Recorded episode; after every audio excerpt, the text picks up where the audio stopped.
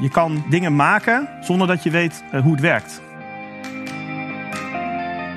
Iedereen denkt, daar is vast wel over nagedacht door iemand anders. En dat blijkt dan niet het geval te zijn. Hoe kan ik een machine maken die vrij is als een mens al niet eens vrij is uh, in zijn keuze?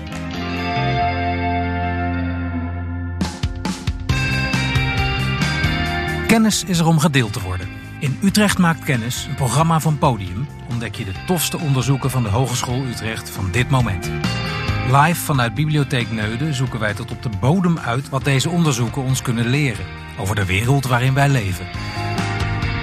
Bezoek Utrecht Maakt Kennis Live en abonneer je op de podcast van Podium.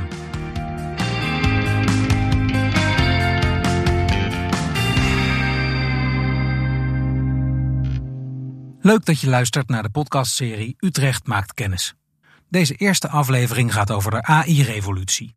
Die is in volle gang, maar wat is artificial intelligence precies? Wat kunnen we ermee? En hoe ziet de toekomst van AI eruit? Tijdens de eerste editie van Utrecht Maakt Kennis zijn te gast Stefan Leijnen, lector Artificial Intelligence van de Hogeschool Utrecht, choreograaf David Middendorp en jurist Marlies van Eck. De presentatie is in handen van Patrick Nederkoorn en Paul Haak. We hebben met, met AI en dan met name machine learning eigenlijk iets heel bijzonders in handen. Je zou kunnen zeggen, het is een soort nieuw paradigma uh, binnen de computerwetenschappen. Waar de traditionele computerwetenschap gebaseerd is op logica, voorkomt uit de wiskunde, komt eh, AI of machine learning voort uit de statistiek, een andere tak van de wiskunde. Je zou kunnen zeggen dat programmeren is een vorm van geautomatiseerde logica. En wat we, wat we nu aan het ontdekken zijn met elkaar is veel meer geautomatiseerde statistiek. En met geautomatiseerde statistiek kun je hele andere dingen. Uh, je kan uh, dingen maken zonder dat je weet uh, hoe het werkt. Je hoort lector Stefan Leijnen over de mogelijkheden en onmogelijkheden van AI. Moeten we nou bang zijn voor machines met een eigen wil? Of is machine learning juist iets dat de mens enorm verder gaat helpen? Het publiek stelde Stefan dan ook direct de vraag: wat is nou een goed voorbeeld van de toepassing van AI? Nou ja, een, voorbeeld wat, wat ik zelf gewoon goed vind, is in de, in de medische context uh, zijn AI-systemen beter in staat om ziektes of afwijkingen of symptomen te herkennen, bijvoorbeeld op foto's, dan menselijke artsen. Dus we hebben te maken met bijvoorbeeld radiologen. Hè? Die, die, die kunnen een, diagnose stellen. AI kan dat beter. Het is zelfs zo dat bij ziekenhuizen wil men zo'n automatisch systeem gaan gebruiken. Dan ligt de lat ook hoger voor een AI. Dus dat een radioloog, ik geloof 85 keer, 85% van zijn diagnose moet kloppen hè, om een goede radioloog te zijn. Voor een AI-systeem is dat 95% Dus, zelfs, dus, dus, daar zie je al aan dat de, dat, de, dat de verwachtingen ook hoger zijn daar. Dat is een heel makkelijk voorbeeld. Omdat er, vind ik, weinig nadelen zijn, behalve voor radiologen. Uh, er zijn ook heel veel andere voorbeelden te noemen, waar het ook heel makkelijk is om een soort van schaduw. Hè, zelfrijdende auto's, daar gaan we alweer voor- en nadelen. Dus, maar dat is, het overgrote deel van de voorbeelden hebben voor- en nadelen, zou ik zeggen. Ja. Voor- en nadelen dus. Maar AI kan sommige taken nu al beter uitvoeren dan de mens.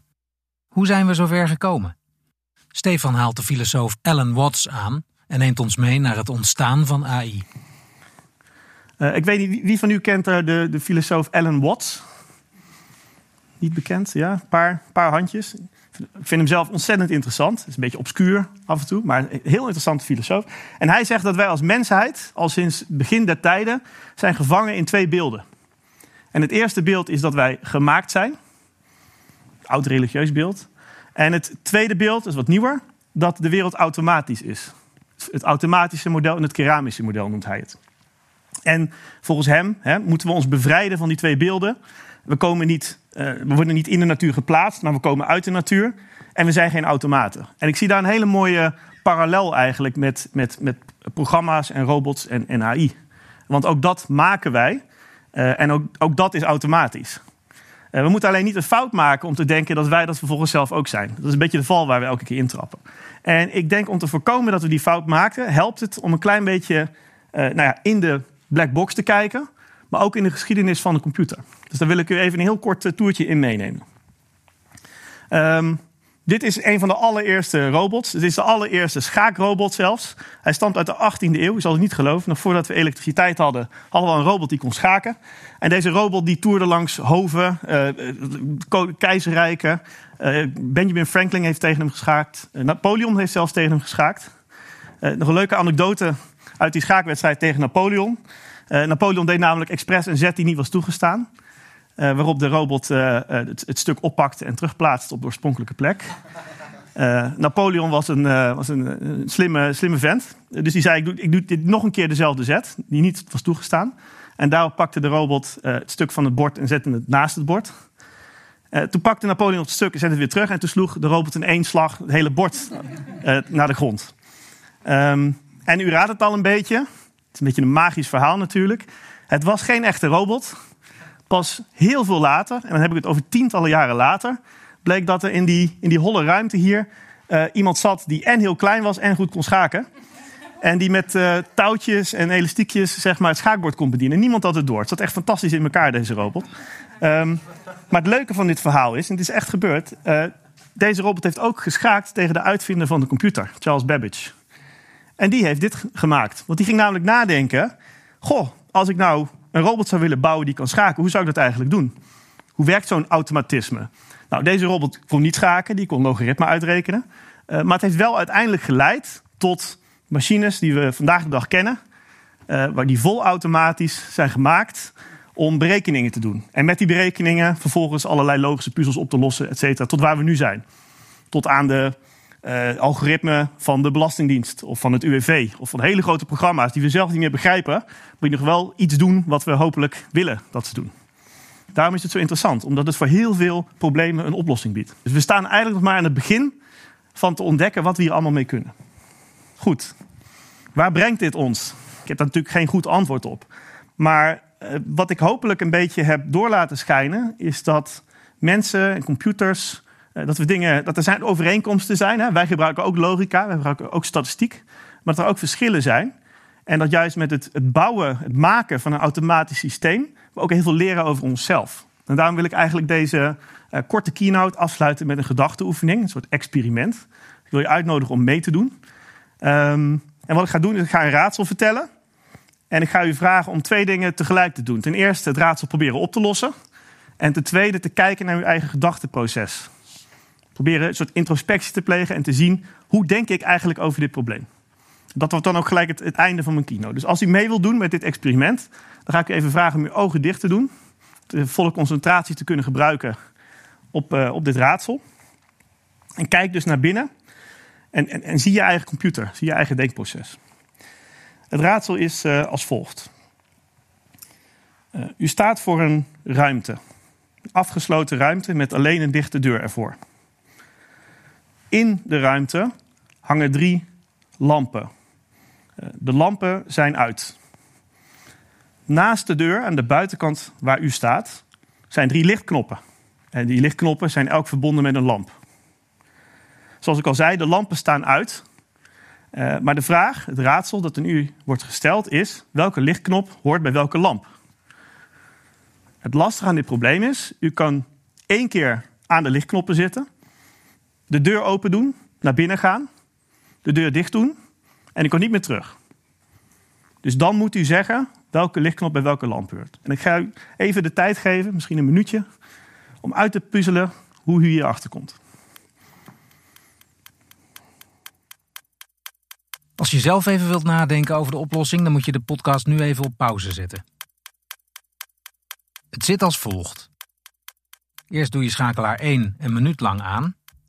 Dan zet je hem weer uit. Dan doe je schakelaar 2 aan en loop je de kamer in. De lamp die nu aanstaat, hoort bij schakelaar 2. De lamp die uit is, maar nog wel warm, die hoort bij schakelaar 1. En de lamp die uitstaat, maar koud is, die hoort bij schakelaar 3. Uh, wat, wat, bij de meeste mensen, misschien wel bij iedereen gebeurt, is je maakt er een, uh, eerst een soort combinatorisch probleem van, een logisch probleem. Je creëert als het ware een klein computertje, een soort zoekruimte met, uh, met switches en met de lampen. En dan ga je alle combinaties van, van switches af om te kijken of een oplossing is. Dat is een heel natuurlijke manier om dat probleem te benaderen. En dan kom je erachter dat die combinatie niet bestaat. En een computer loopt dan vast. Of als je hem goed programmeert, zegt hij: er is geen antwoord. Een mens is anders. Een mens is in staat, zoals, zoals, jij, en nou goed, jij voordat je het antwoord kende ook vast, om te bedenken en door te gaan, te denken: ja, maar wacht eens even, dit is een raadsel, er is vast een oplossing. Ik moet mijn creativiteit aanspreken. Maar wat is dat dan? Dat is iets anders dan wat we in logica en statistiek kunnen vangen. Dus ik hoop dat ik naast wat vertellen over AI, je ook heb kunnen overtuigen van het mysterie van de mens. Uh, wat, uh, wat wel degelijk nog steeds uh, stand houdt, ook met deze technologische ontwikkelingen. Um, en dat vind ik eigenlijk wel een mooie zin om mee af te sluiten. Dank u wel.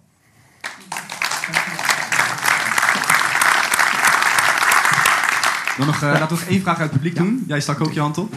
Patrick loopt even naar je toe. Ja, ik heb een uh, vraag. Ik ben zelf ook enorm enthousiast over AI en alle mogelijkheden die er liggen. Tegelijkertijd, uh, ja, er wordt ook heel veel meer geautomatiseerd. En ik vraag me wel eens af, ik heb twee jonge dochters. Wat moet ik die nou straks uh, voor advies geven qua studie? Wat gaan die doen in hun leven? Wat zijn jouw gedachten daarover? Ja, ja. Hoe, hoe, even, hoe oud zijn ze? Nou, ze zijn nu vier en zes. Oké, ja. Alles dus, kan dus, dus, nog. Ja. Nou ja, dus, ja, alles kan nog. Dus, uh, maar ik wil daar wel even met hun meedenken ja. over. Uh, want, want dit, als zij over twintig jaar gaan nadenken wat ze met hun leven gaan doen, dan is dit al zoveel verder. Ja, nou de, de reden dat ik vraag hoe oud ze zijn, is omdat het nogal uitmaakt of we kijken naar een keuze over één of twee jaar of over tien of twintig jaar. Ik zou je sowieso aanraden om uh, de keuze wat je wil worden zo lang mogelijk voor je uit te stellen. Dat heb ik ook gedaan, want ik weet ook nog steeds niet wat ik wil worden. Uh, maar als je op een gegeven moment een studie moet kiezen, ja, dan wordt het een hele concrete vraag. Er zijn een paar dingen die je volgens mij weet. Ten eerste dat computers uh, belangrijk zijn en waarschijnlijk ook nog heel lang belangrijk zullen blijven. Uh, of computers geprogrammeerd gaan blijven worden door mensen en in, in, de, hoeveelheid die we nu hebben, ik zou die keuze nog even uitstellen. Want uh, Google werkt ook al aan uh, systemen die automatisch kunnen programmeren. Ik sluit niet uit dat het over 10 of 20 jaar zover is. Um, technologie is volgens mij altijd een goede keuze. recht, juridische kanten van technologie, volgens mij blijft daar ook nog heel veel werk aan te verrichten. Um, maar wat, wat vaststaat is, er is niet, um, er is niet één toekomst, er zijn heel veel toekomsten. Dus uiteindelijk gaan we met elkaar ook beslissen, met, met z'n allen, uh, waar we dit heen willen brengen. Uh, Keynes die, die, die voorspelde zelf dat met technologie en innovatie we straks veel minder zouden hoeven werken. Dat we geen vijf dagen, maar nog twee of drie dagen in de week zouden werken. Nou, misschien is dat wel de toekomst. En dan is het prima, dan kun je van alles. als we vijf dagen blijven werken, ja, dan moeten we misschien wel allemaal programmeur worden om onszelf bezig te houden. Ja, dat ja, durf ik niks over te zeggen. Maar technologie zou ik altijd, gewoon omdat het interessant is, zou ik het gewoon aanraden. Ja. Yes. Ja. En geen radiologie. Dat is dus nee, nee. vandaag. Dat is, dat nee, misschien dat, niet. Nee. meer. Ja, ja, ja. Nee. Dankjewel.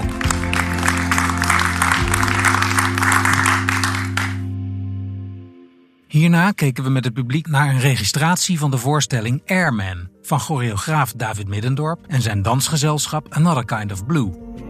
Airman is een duet tussen mens en technologie, tussen danser en drone.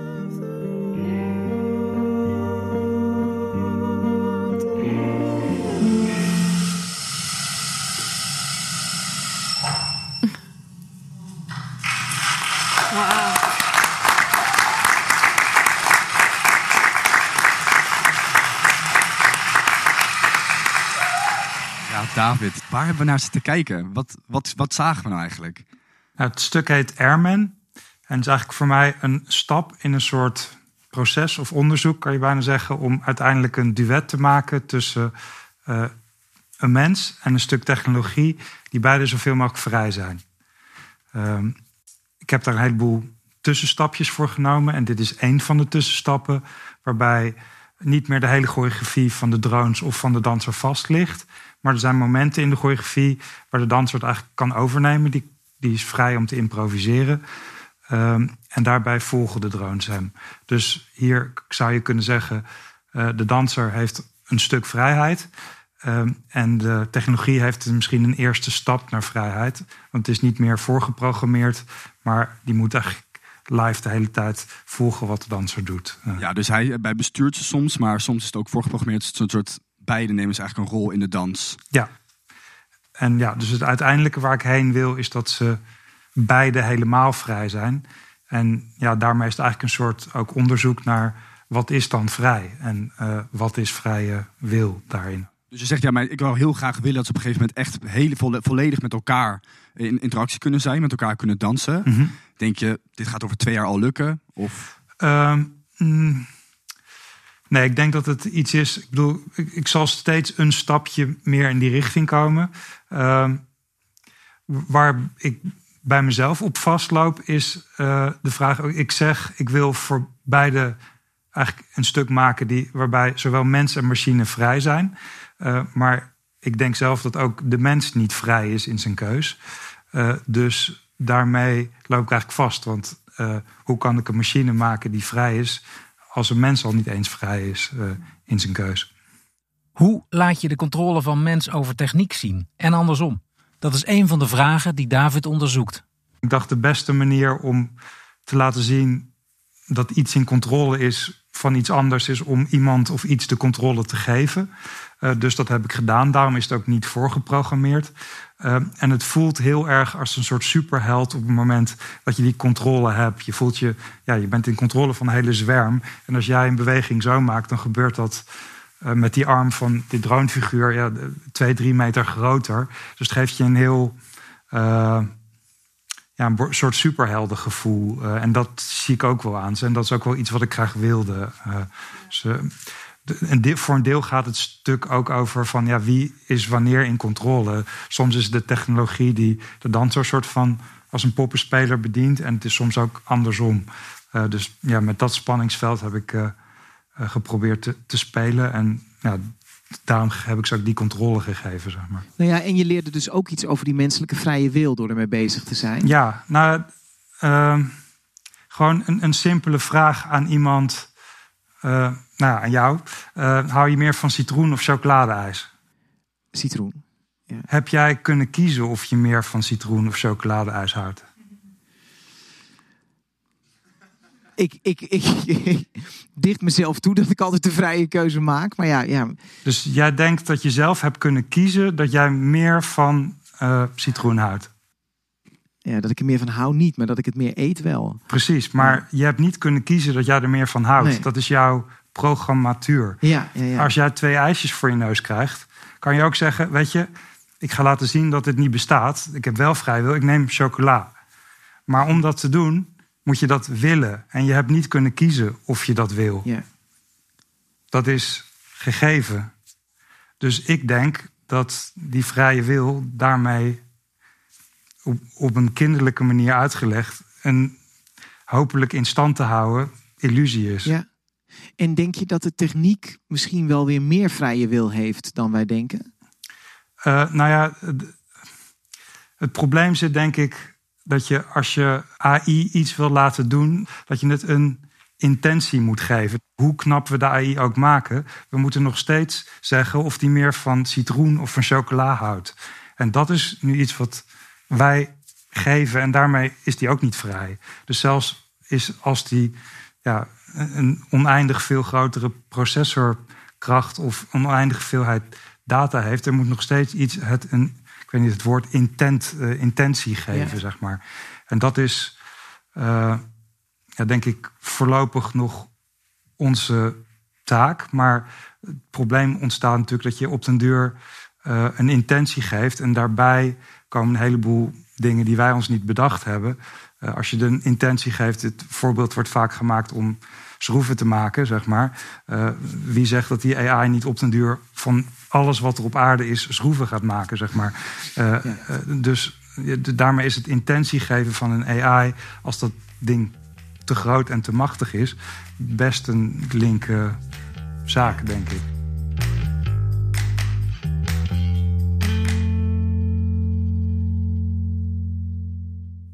Je, wordt of gedwongen iets te doen, eh, of je hebt een soort, soort, soort vrijheid iets te doen. Eh, je zou kunnen zeggen, gedwongen worden iets te doen, dat is een manier om een keus te maken. Dat is choreografie. Dan heb ik gewoon gezegd, dit is de choreografie. Eh, het, zeg maar hetgene wat het dichtst bij de illusie van vrijheid komt, is denk ik dansimprovisatie. Je zou kunnen zeggen, de impulsen die een danser heeft om te bewegen, eh, heeft hij ook niet voor gekozen. Maar is wel hetgene wat er zo dicht mogelijk bij komt. Ehm, dus ik wil een voorstelling maken waarbij de danser en de technologie al, allebei de illusie hebben dat ze vrij zijn. De illusie dat ze vrij zijn. Oké.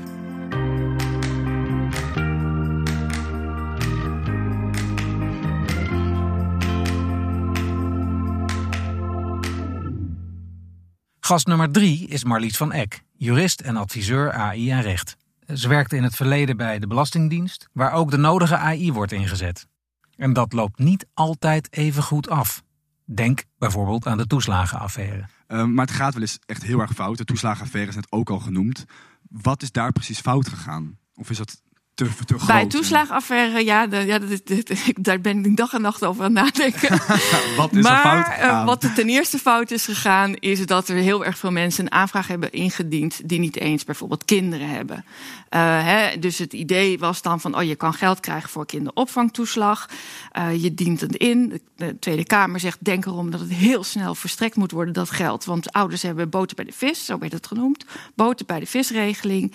Dat geld werd ook snel verstrekt en mensen hebben echt heel veel geld gekregen.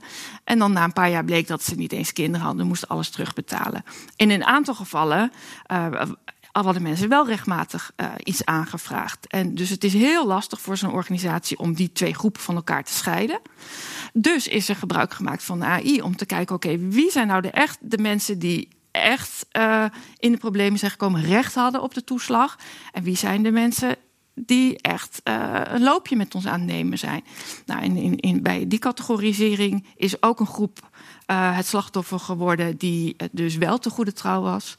Ehm, en is ook aangemerkt als fraudeur. Onschuldige burgers vermorzeld door de overheid, lees je dan in de krant. We kunnen dus rustig stellen dat onze rechtsbescherming minder is geworden door de automatisering bij de Belastingdienst. Ja, die is slechter geworden. En dat is niet omdat daar eh, van tevoren iemand he- over heeft nagedacht. Van nou, we gaan nu eens echt eens even iedereen door de strot duwen. We gaan iedereen even... Eh, nee, dat, maar dat is ons eigenlijk als het ware overkomen. Waarbij eigenlijk het gemeenschappelijk kenmerk is dat iedereen eh, in de hele lange rij van nou ja, mensen die zich ermee bezighouden, denkt: daar is vast wel over nagedacht door iemand anders. En dat blijkt dan niet het geval te zijn. En dat is steeds elke keer de, de moeilijkheid. Nou, en dan ga je naar de rechter en dan denkt de rechter ook van, nou ja, goed, eh, wie ben ik om, om te denken dat die computer het verkeerd heeft gezien? Dus zo houden we elkaar een beetje allemaal voor de gek, waarbij het meetelt dat het zo complex is geworden. Hoe de systemen werken, hoe de wetten werken en hoe alles op elkaar ingrijpt. Dat we inderdaad, eh, wat Stefan ook al zei, gewoon echt aan de grens zitten. En we misschien wel AI nodig gaan hebben om te begrijpen wat de overheid is. En, maar als we dan ook even kijken naar de overheid. ehm, wie, wordt dan eigenlijk... Ja, wie wordt eigenlijk meest serieus genomen in, die, in zo'n zaak? Kijken ze dan eerst naar, echt meer naar de mens? Of zeggen van ja, de computer zegt dit, dus het zal wel? Nou, de computer die komt samen op het moment, eh, die komt op het moment dat er zo ongelooflijk veel burgers eh, iets moeten of moeten betalen of geld moeten hebben. eh, dat je dus sowieso al in een massa-product zit. Dus je bent al met massa bezig. Dus dat moet je heel goed realiseren. Dus, dus eh, het, er wordt nooit geautomatiseerd als het maar om eh, een paar aantallen mensen gaat. Nou, dan heb je dus die massa. Dan ga je bellen, je gaat bezwaar maken. En dan is de kunst natuurlijk om eh, de medewerker zover te krijgen naar jouw verhaal te luisteren, de computer te proberen overrulen. En dan ja, dat jij wel je zin krijgt of krijgt waar je recht op hebt. En dat is vaak niet mogelijk, omdat ook ambtenaren in de kooi zitten. Dat noem je de digitale kooi. Zij kunnen vaak ook die systemen helemaal niet meer aanpassen. Wat is precies die digitale kooi? De digitale kooi houdt in dat bureaucratie is eigenlijk een, een uitvinding die ongelooflijk mooi is. Dus ik geef les aan internationale studenten. Studenten uit Zuid-Amerika bijvoorbeeld kunnen niet geloven dat het in Nederland eigenlijk niet uitmaakt van welke familie je afkomt. Uh, op het moment dat je te maken hebt met de Belastingdienst. Uh, dat, dat, dat is, uh, ja, tenzij je Shell bent, maar verder maakt het niet zo heel erg veel uit wie je bent. Hier gaat het om je nummer. Je bent een nummer. En dat heeft heel veel mooie kanten. Dus de bureaucratie heeft ongelooflijk veel kanten op het gebied van rechtsgelijkheid. Het is heel erg mooi dat dat gebeurt. Alleen, als je die ook nog gaat versterken met IT en de routines eigenlijk heel beperkt maakt, dan heb je uh, de ijzeren kooi, zo noemde Weber dat. En wij hebben dan nu de digitale kooi. Je kunt er ook niet meer uit ontsnappen. Dus die vrije wil heb je als ambtenaar uh, al helemaal niet. En al zou je hem hebben, zou je hem niet kunnen effectueren. rijst natuurlijk de vraag: wanneer moet de overheid wel en wanneer juist niet werken met AI? Ja, ik zou willen zeggen dat, de, dat, dat er nu echt de overheid nog lang niet toe is aan geavanceerde AI, waar we het net over hadden. Want uh, het track record van de afgelopen 30 jaar is niet dat ze dat gewoon in de hand hebben. Uh, dus uh, dat is mijn eerste insteek. Dus we stop met al die nieuwe projectjes van oh we gaan ontzettend hip gaan doen. Nee, maar we gaan nu eerst even inderdaad kijken van hoe zien die systemen eruit. Eerst, en, eerst een cursus MS-DOS. En ja, dan eerst gaan we weer de MS-DOS. Ja, ja. en ik zou ook denken, uh, uh, overal routines inbouwen waarop je dus op een stopknop kunt drukken. Dus waar je op dat moment de Kafka-knop hebben we dat genoemd. Waarbij je kunt zeggen, oké, okay, nou is het klaar. We gaan het nu als mens even regelen. En we regelen dus al die stappen voor jou dan in één keer.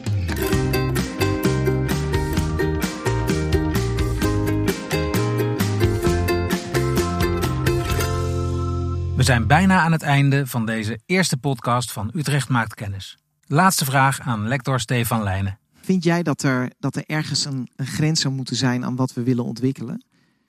Nou, ja, ik, stond, ik stond vanochtend, uh, het is mooi die, die Kafka-knop. Ik had een term wel eens gehoord, maar ik stond van, vanochtend toevallig in de trein. En ik zag uh, de, de, uh, de rem, hoe noem je dat? De, de, de noodrem ja. van, de, van de trein. Ik dacht, wat briljante uitvinding en wat briljant dat dit werkt.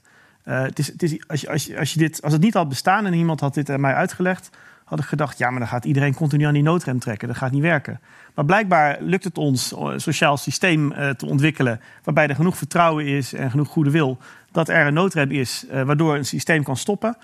als, als dat nodig is. Als een mens denkt, hier gaat het mis. En de machinist het niet doorheeft. Ik vond dat een hele mooie, ja, eigenlijk wel een soort van metafoor. Ja, precies zo'n knop inderdaad waar je op kan, kan drukken. in AI noemen we dat human in the loop zeg maar. Hè? Dus wanneer moet een human in een loop zijn? En het is, uh, voor mij staat het zonder twijfel dat er situaties zijn waar je een human in de loop nodig hebt. Ik denk, voor mij het meest bekende voorbeeld is het rechtssysteem. Um, um, als het mogelijk was om wetten zo te maken dat ze waterdicht waren en altijd kloppend, hadden we ook geen rechters nodig gehad. Dan hadden we echt een computerprogramma gehad dat gewoon het dossier invoert en de output is de, de strafmaat, schuldig, niet schuldig. Uh, maar je hebt altijd een mens nodig om dat te kunnen beoordelen. En dat kun je dus niet programmeren, geloof ik. Dank jullie wel. Yes, bedankt.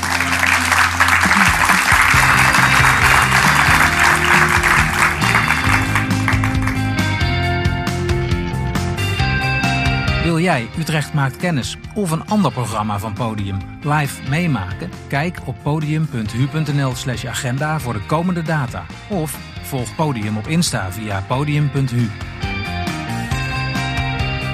Utrecht Maakt Kennis is een productie van Podium, het cultureel studentenplatform van Hogeschool Utrecht. Gasten in deze aflevering waren Stefan Leijnen, David Middendorp en Marlies van Eck.